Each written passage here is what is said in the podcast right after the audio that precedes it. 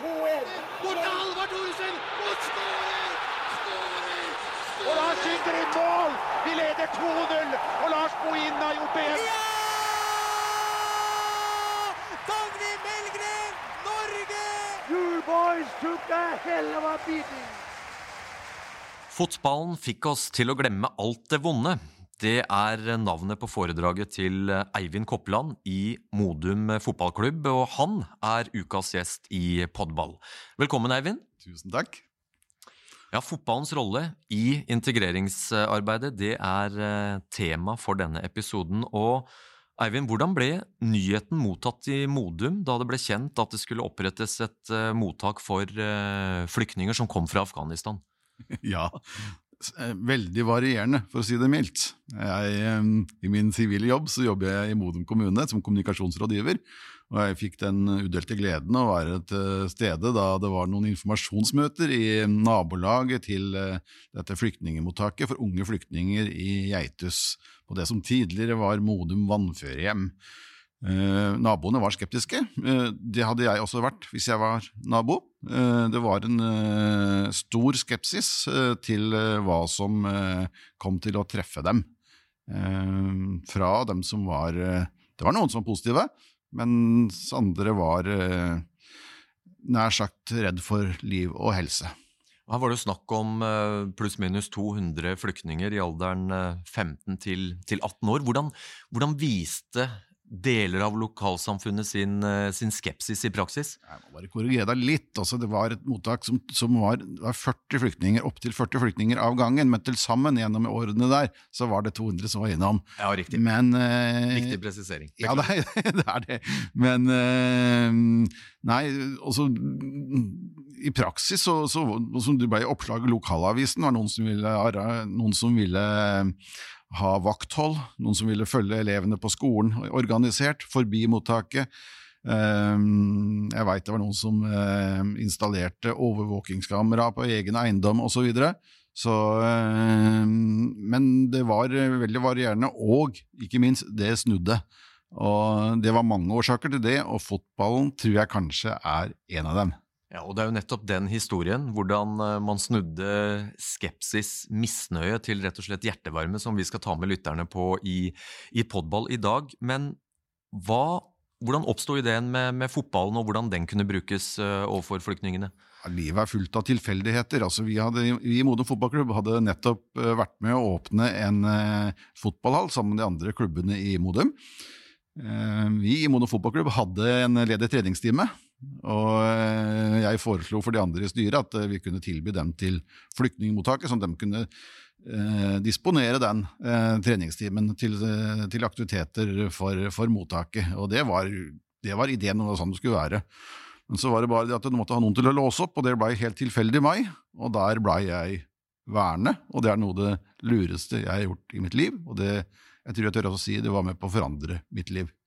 Vi snakker jo gjerne om at fotballen er universell, det er eh, et, et slags verdensspråk. Men flyktningene fra Afghanistan, de guttene som du da låste opp og ga muligheten til å spille fotball i hallen, de hadde egentlig ingen erfaring med fotball, de.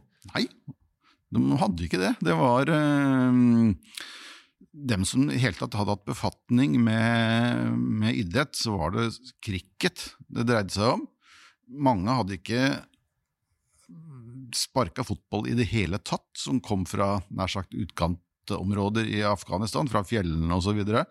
Eh, og noen hadde så vidt vært innom det ved å sparke type tøyballer osv. Eh, men det var ingen som hadde noe forhold til verken ManU, Bar Barcelona eller organisert fotball i det hele tatt. Hvordan så den første økta ut i fotballhallen i Modum da eh, de fikk utdelt noen vester og, og x antall fotballer? Ja, Den skulle vært filma. Det var veldig spesielt de kom inn der med store øyne og begynte å løpe og løpe og løpe. Altså, Det var jo kunstgress, dette var helt nytt for dem. Det var hall, og det var De hadde ikke Det tror jeg tør å si, de hadde ikke vært på en eh, I den grad de hadde vært på en fotballbane, så hadde de i hvert fall ikke vært på en kunstgressbane tidligere. Eh, og det er jo flotte forhold der oppe. og ja, noen la seg ned på gresset og kjente på gresset, andre løp. Eh, det var, det var, en rar følelse å se, og min lille tabbe var at jeg slapp et nett med 20 fotballer. Mange gamle gymlærere på barneskolen. ja, ja. Og der ble det mange hull i lufta, for å si det sånn, for fotballferdighetene var veldig så som så. Eh, men eh, vi kom fra det med liv i behold. Jeg samla inn noen baller etter hvert. Det ble lettere. Etter hvert skjønte de hvordan den pip, hvilken funksjon en pip eller en fløyte hadde, og det ordna seg etter hvert. Men verken før eller etter holdt jeg på å si, ble det spredd 20 baller fritt i hallen der. Du sa at fra den dagen da du åpna hallen første gang for flyktningene, så, så endra det ditt liv. På hvilken måte? Oi. Ja. Eh, jeg har Jeg var, som nordmenn flest, litt sånn uvitende til det med flyktninger. Eh, jeg hadde ikke tatt noe helt klart standpunkt eh, på hva jeg tenkte om det. Eh, jeg prata om dem, som de fleste andre gjør. Men i løpet av de hver to år jeg fikk lov til å være med på dette her, så ble jeg kjent med dem, de vi kalte dem. Mm. mennesker som, som deg og meg, som mine barn og dine barn.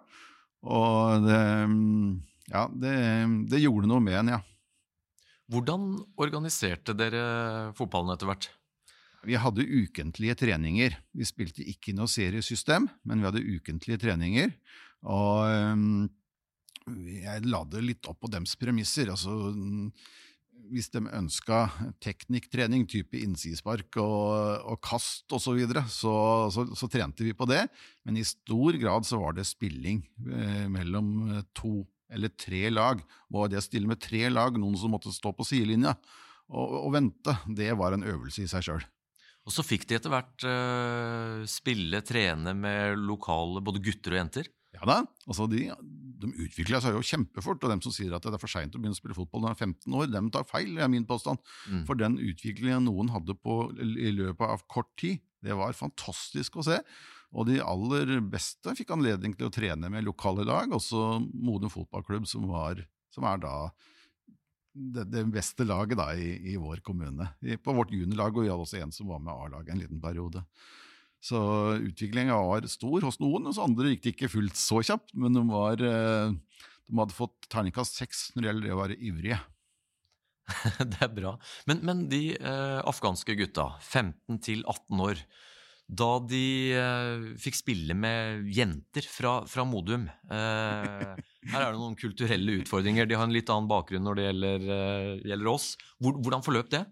Ja, Det var spennende. Vi spilte jo først kamper mot gutter, men eh, så vokste det fram en idé at eh, de hadde i hvert fall med seg i bagasjen til Norge et kvinnesyn som er litt annerledes enn det vi har. De hadde nok lært litt på skole og litt av erfaring at kvinner i Norge var eh, likestilte, men men vi fant ut etter hvert at vi har lyst til å prøve dem mot, å spille mot, mot, et jentelag. Og damelaget til Modum stilte sporty opp. Vi fant ut at det var cirka var nivået. Eh, og eh, det var en eh, Apropos ting som skulle vært filma, den kampen skulle vært filma. Det, eh, det, var rørende å se. en gjeng med type 25 flyktninger som helst ville spille samtidig, men det var, det var plass til ni om gangen, for vi spilte innendørs. Eh, som syntes det var veldig, veldig veldig spesielt å møte jenter. Og jeg tror jeg tør å si at jentene syntes det også var veldig, veldig spesielt å møte de flyktningene. Eh, det var rørende å se hvor, eh, hvordan de hjalp hverandre opp på beina når, det var en som datt over ende med skade, begge veier. Og det var en gjensidig respekt og forståelse som var eh, Det var bare Ja, det var Jeg kjenner jeg nesten tårer i øyekroken når jeg forteller om det. Det var, det var, veldig fint å se. Og eh, de stilte opp i lagbildet etter kampen, annenhver gutt og jente. Og det har ikke noe belegg for å si det jeg sier nå, men jeg tror det var første gang i Norge at et eh, flyktninglag eh, spilte mot et jente- eller damelag. Mm. Modum eh, fotballklubb fikk Fair Play-prisen i fjor av Buskerud fotballkrets. Og Fair Play har vært helt grunnleggende for deg i arbeidet med, med flyktningene? Ja, det, vi skal jo prøve å lære dem norsk kultur. Og fotballen er jo et godt bidrag til det. Eh, Vi gjennomførte de fair play-tiltak som vi ellers kjenner fra, fra eh, vår egen fotballhverdag. Som det å eh, hilse før kamp og etter kamp. Og vi hadde fast etter kamp hvor de stilte opp på to rekker og gikk mot hverandre og tok hverandre hendene. Og det som var litt spesielt, er jo det at de kom fra Afghanistan med, fra flere kulturer i Afghanistan, med flere språk. Og jeg veit jo at i hvert fall fra starten så holdt man på en måte sammen med sine egne. Og dem som de sa det sjøl, dem som ikke hilste på hjemme i Afghanistan, dem som betrakta som fiender hjemme i Afghanistan, dem ble de plassert mot, på mottaket sammen med i, i Norge. Og eh, jeg veit det var noen konflikter der, men eh, på fotballbanen så forlangte vi at eh, der skulle alle være like. Og vi delte lag helt bevisst på tvers av kulturer og språk. Så der delte vi den i én og to og og én og to, sånn at de fikk, eh, fikk eh, lagkamerater fra, som nødvendigvis ikke var deres beste venner.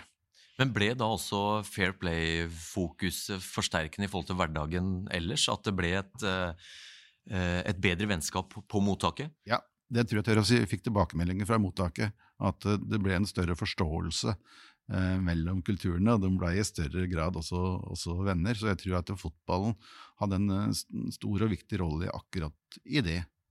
Mm.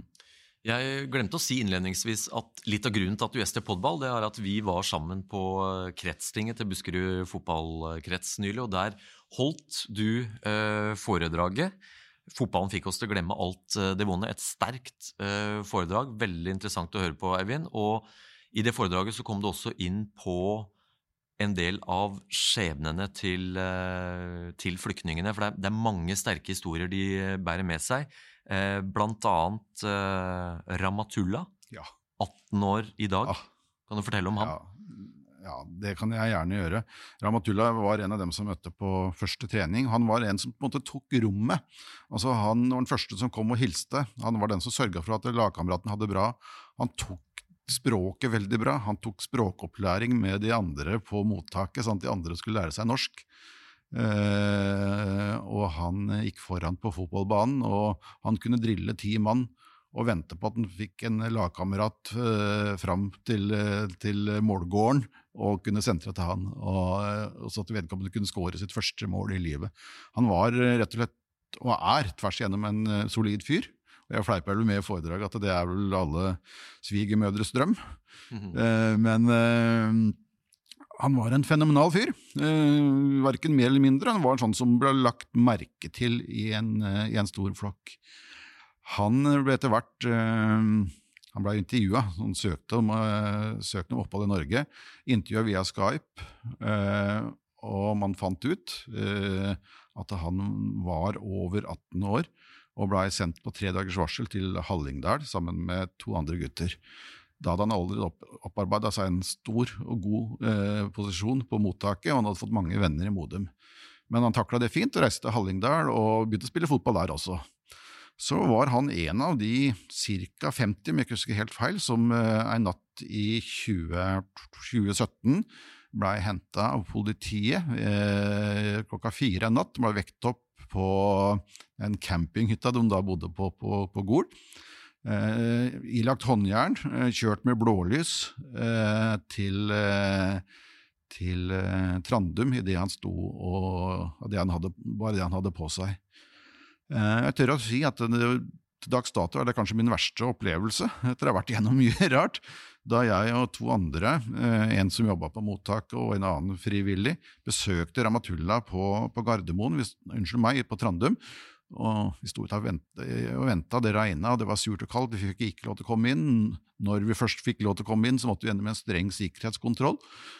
Um, vi fikk ikke lov til å ha med og overlevere ting til, til Ramatullah, altså type Modum-tøy som vi hadde tatt med til den. som en slags, Vi visste jo at, det var, at han skulle sendes ut av Norge.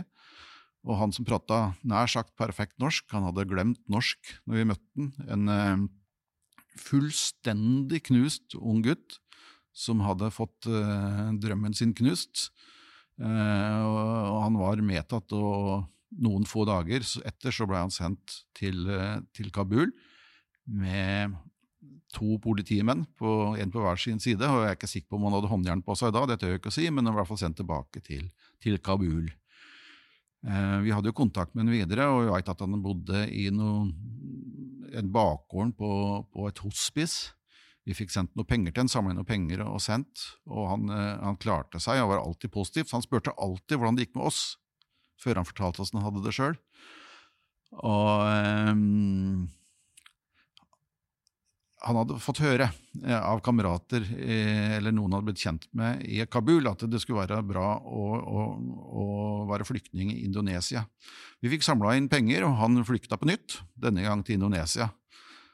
For en lang historie kort, eh, der var, ble han ikke like velkommen som, ønska velkommen som han håpa på. Ble liggende på gata i flere måneder. Helt til myndighetene i Jakarta Eh, som han da bodde i, fant ut at man ikke ønsket uh, uteliggere. Ble satt i fengsel satt i fengsel i ca. et halvt år sammen med seks, fem andre på ei, lita celle. Ble lufta én dag i uka, og det var en halvtime. Og ja, han kommuniserte med oss, og det som var litt rørende hele tida. Uh, han kommuniserte via en mobil som, hadde, som han hadde bestukket en fangevokter til å kjøpe for han. Eh, med penger sendt fra Norge. Og Det han lurte på, var hvordan det gikk med Modum fotballklubb, hvordan det gikk med A-laget, hvordan det gikk med Real Madrid og Barcelona, som hadde blitt hans favorittlag. Det var noe av det første han spurte om. Og, og fulgte med på via mobil, selvfølgelig. Så fotballen eh, Skal ikke prate for han, men fotballen var i hvert fall et lyspunkt i hverdagen for han mens han satt på celle i, i Jakarta. Etter hvert, etter et ca. halvt år, så ble han sendt til et nytt flyktningmottak i en annen by i Indonesia, og der er han nå. Og så vidt jeg veit, så er han fotballtrener for andre gutter på det mottaket. Så fotballen han tok med seg fra Modum og Norge, eh, har han nær sagt ført videre til, til andre eh, nybegynnere på fotball i, nå da i Indonesia. Har du fortsatt litt uh, kontakt med han? Ja da, jeg har det. Og det er veldig hyggelig. Han spør bestandig og hvordan går det med deg. Det er, det er en fast uh, frase, så vi må gjennom før vi begynner å spørre åssen uh, han har det. Han er veldig opptatt av åssen det er her i Norge. Ramatullas historie der, og så leste jeg og hørte i foredraget ditt om 16 år gamle Ayas Sylab. Og han sa til stortingspolitikerne fra Buskerud som besøkte mottaket i Modum, at eh, jeg vil heller dø her enn å bli sendt tilbake til døden i Afghanistan. Hva slags historie bærer han på, og hvordan går det med han i dag? Mm. Eh, av alle de flyktningene vi hadde, så er det mange skjebner på godt og vondt. Noen har det vondt, noen har, har, det fått, har fått, det godt. Ayas eh, sto fram. Vi hadde syv av ni stortingspolitikere fra, fra Buskerudbenken på Stortinget på besøk på fotballtrening, og de seinere var med til mottaket eh, hvor guttene hadde lagd mat eh, som ble servert. Eh, Ayas fortalte sin historie, som i korte trekk gikk ut på at han hadde sett faren sin blitt skutt. Han hadde blitt vervet selv inn i Taliban. Han hadde klart å stikke av. Mora hadde solgt eh, huset for å finansiere flukten til Ayas til Norge. Han hadde vært gjennom en tøff flukt, bl.a. I, i båt over uh, fra uh, Tyrkia til Hellas. Og, uh, og gjennom mange land, med, masse lange vandringer og, og blitt beskutt osv. Uh, som han sier, jeg har ikke noe liv i Afghanistan. da, er det, da er jeg klørne på Taliban igjen, på grunn av at han hadde stukket av fra det. så han han var veldig klar på den gangen at han, eh, han ville bli drept hvis han reiste tilbake til Afghanistan. Verken mer eller mindre. Um, han bodde to år i Norge, første halvannet året på, på mottaket, sånn cirka nå, uh, og var veldig spent på om han fikk opphold i Norge. Han var veldig, veldig, veldig spent. Og en dag her for, ja, la meg tippe, to måneder siden nå, så åpnet han brev i postkassa, og når han åpnet det brevet, så visste han at det, det var da fra UDI. Så visste han at i, det, i, det, i den konvolutten lå hans videre skjebne. Uh, Ayas kunne lese at han fikk opphold i Norge. Uh, han uh, blei plassert i Drammen kommune, har nå fått leilighet, og har sagt til meg at nå gir han seg med cricket, han gir seg med fotball, han skal studere, han skal lære seg norsk perfekt, og han skal uh, komme i jobb så fort som mulig, sånn at han får betalt tilbake penger til det norske samfunnet. For det skylder han Norge sin. Så det syns jeg er også en uh, Det sier litt om holdningen, til, uh, og den, den, holdningen kjenner jeg igjen av, av, fra mange av gutta. De, dem som ble sendt ut, de er ikke bitre på Norge for at de ble sendt ut. De, de har bare en følelse av at de ikke var gode nok for Norge. Og det er litt verdt å ta med seg for oss, tenker jeg. Hvordan ser lokalsamfunnet i Modum på flyktningene i dag, eh, og, og, det at da fotballen har gjort at de har blitt integrert? da? Ja, altså fotballen har vært med på det. Det har vært veldig mange dyktige mennesker i Modum, eh, også utenfor fotballen. Nå er mottaket lagt ned, fordi det er, ikke, det er ikke så mange flyktninger som kommer lenger til Norge. Så det ble lagt ned for ja, oktober-november i 2018. Eh, men jeg tror jeg tør å påstå at eh, fotballen har vært med å bidra til en helt annen holdning til flyktninger, og spesielt unge flyktninger, enn det vi hadde tidligere. Vi veit at de største motstanderne har snudd, og en av de som var aller eh, verst, i anførselstegn, som motstander, en nabo som var ihuga motstander, ble etter hvert med på fotballtreningene. Som, uh, og han plastra og teipa og trøsta, ikke minst, som trengte masse omsorg. Det var veldig mye skader. En del var nok fiktive for å få litt ekstra omsorg. Men øh, han jeg prater om, han fikk masse besøk av flyktningene. Han var jo nabo. Eh, de bakte kaker, han tok dem med på ting, og jeg veit at nå har han vært i Madrid og besøkt noen av dem. Han snudde fullstendig. Og jeg veit også andre naboer som, kanskje også uten å innrømme det, har vært med på å bidra ved å kjøpe ting. Jeg veit en som har vært på skobutikken og kjøpt både joggesko og fotballsko, og levert på mottaket uten at han vil ha noe offentlighet rundt det. Så um, jeg har ikke noe belegg for å si at det er, nå er det bare halleluja, men at i det store og hele så har eh, holdningen snudd. Fotballen bidro til at eh, holdningen til flyktningene snudde. Og når mottaket ble lagt ned, så var det eh, ja, mange som var lei seg, rett og slett. Det var, vi gikk glipp av mange flotte karer, akkurat som norske flotte ungdommer. Eh, og ja, den bidro godt i lokalsamfunnet. De, de, de var blide og fornøyde og hilste, og, og, det var, så vidt meg bekjent, ikke noe tull eh, mot norske ungdommer eller norske eller andre moinger. Og historien til Modum fotballklubb er jo et lysende eksempel på det som er visjonen til Norges uh, Fotballforbund, nemlig fotball for alle, inkludering i, i, praksis, at alle skal ha et tilbud. Hvordan har dette prosjektet, dette arbeidet de to siste årene, hvordan motiverer det deg til å jobbe videre med fotballen? Jeg ser i hvert fall i fotballen et helt annet perspektiv. Jeg mener ikke å si noe gærent om norske fotballspillere. Jeg syns det er kjempemoro å jobbe med fotball. Jeg har stor glede av det. Eh, både å være med på ledersida og, eh, og se fotball. Jeg syns det er kjempegøy. Men jeg har eh, Jeg må si at jeg, har, jeg ser fotballen i et perspektiv nå hvor jeg ser hvor viktig den er for enkelte i samfunnet. Det er betydelig viktigere for en flyktning som dem jeg prater om, som fikk spille fotball Eh, på trening og enkelte kamper, og de ville jo bl.a. trene veldig mye. Det var jo vi som måtte begrense dem. Eh, kontra en norsk fjerdedivisjonsspiller som er hyggelig og, flinke, men eh, betydningen av fotball er nok en helt annen. Ja, og viljen ute på banen. Det var ganske synlig at de hadde en, eh, en litt eh, annen bakgrunn når de skulle, skulle, ut og spille mot norske ungdommer. Ja, det er helt riktig. Og når, man spilte mot norske ungdommer, så var man eh, da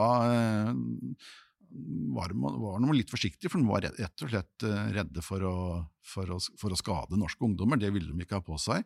Men på interne treninger mellom dem så var mange la meg si, tofotstaklinger man, man gikk i, i, i, veldig godt. Og eh, det også kan skrives på kontoen av at uh, de, innsatsen var i 120, men bakgrunnsferdighetene, eller basisferdighetene, var mildt sagt veldig varierende. Jeg har lyst til å fortelle om én historie til, hvis jeg får lov til det. Selvfølgelig, kom igjen. Ja, jeg har en som heter Jamil, som var en kjempekar. Han, altså, jeg mener ikke å si noe vondt om verken Jamil eller andre. Når jeg, når jeg så han første gang, så tenkte jeg at han her blir aldri fotballspiller. Han bomma på alt. Han løp og løp og løp og sparka, og 80% av sparka var bom på ballen. så skjedde det utrolig at han klarte på en corner å heade ballen i mål. altså det vil si Han ble truffet av ballen, og ballen gikk i mål. Og uh, hver gang jeg så han siden, så pekte han på hodet sitt og nikka og var veldig fornøyd. Det var stort. Jamil eh, var ganske kraftig, og han skjønte at han, for å bli bedre, så måtte han trene. Så han trente og trente og trente, også utenom fotballtreningene. Gikk ned mange kilo. Eh, og ble etter hvert en sånn OK back, som jeg sjøl var den gangen jeg spilte fotball. han fikk opphold i Norge han hadde det tøft. Han hadde hatt en tilværelse i Afghanistan hvor livet eh, bestod av å hente vann med esler eh, over lange avstander.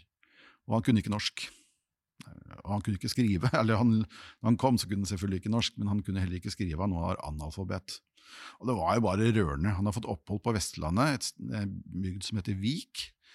Og eh, og jeg fikk en melding av han for en ja, juletider, et bilde av han i keeperdrakt, og sto det 'Jeg er keeper nå'. Da rant tårnet hos meg. Det syns jeg var svært. Altså, han har funnet sin plass i fotballen, også hjelpetrener på en klubb der borte etter, eh, på et eller annet lag, eh, på et eller annet nivå som jeg ikke veit. Men uh, fotballen har blitt en del av hans hverdag, og det syns jeg er vanvittig rørende for en som ja, for et tre år tilbake hver dag gikk fire timer, tror jeg det var, for å hente vann med esler. En veldig, veldig sterk, rørende historie. Hva, hva, kan andre norske fotballklubber, kommuner, lære av det dere har gjort i, i Modum? -hmm. Ja, nå var vi så heldige, jeg tør å si det, at det kom et mottak hos oss, og dermed hadde vi en unik mulighet til å gjøre noe. Eh, men i de fleste kommuner i Norge så er det bosatte flyktninger. Og eh, min erfaring er at det man alle ønsker, er rett og slett å inkluderes i det norske samfunnet. Så eh, det er veldig fint, og jeg tror det er veldig lurt å bruke fotballen som en integreringsarena. Enten ved å starte egne lag, eller kanskje aller best eh, inkludere dem i, i, klubbene og de forskjellige lagene. Altså eh, bli kjent med nordmenn. Det var stort for de flyktningene her. å bli kjent, Det var det de ønsket de hadde, å bli kjent med norske gutter, som de sa. Og så er jo det sportslige nivået som du har påpekt, det er jo underordna i denne sammenhengen. Men uh, det fins da også eksempler på at noen av disse gutta har hevda seg bra og til og med spilt farlaget til uh, Modum, vel? Ja, det var en som var innom A-laget og til og med skåra et mål. Uh, så ja da, det sportslige nivået er selvfølgelig varierende. Men noen tar ting veldig kjapt, og det er andre andre er mer typisk, la meg si, løkkespillere. Ja.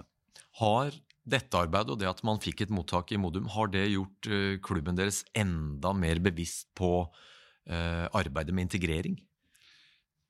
Eller eh, inkludering, om du vil? Ja, det tror jeg tør å si. Vi har Vi har skapt en forståelse i laget av klubben, at de er velkomne. Det var rørende å se hvordan de ble tatt imot, de spillerne, når de kom der. Og vi har også tiltak eh, andre til, inkluderingstiltak på gang, type gatelag, som en litt annen gruppe eh, fotballspillere.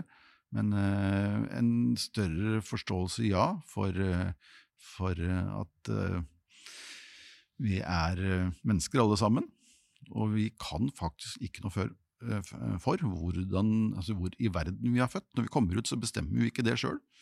Uh, og jeg tenkte på når jeg kjørte hit, at uh, om man heter Per, Kåre, Hans eller Nils, eller Malik, Ramatullah, uh, Mirwais eller hva det måtte være, så er man faktisk like verdifulle. Eivind Kopland, takk for at du gjestet Podball episode 23, spilt inn 22.2. Det var veldig hyggelig for å komme. Dette er noe jeg brenner for, så dette var veldig moro å få lov til å fortelle om. Og lykke til videre med arbeidet i, i Modum fotballklubb. Tusen takk.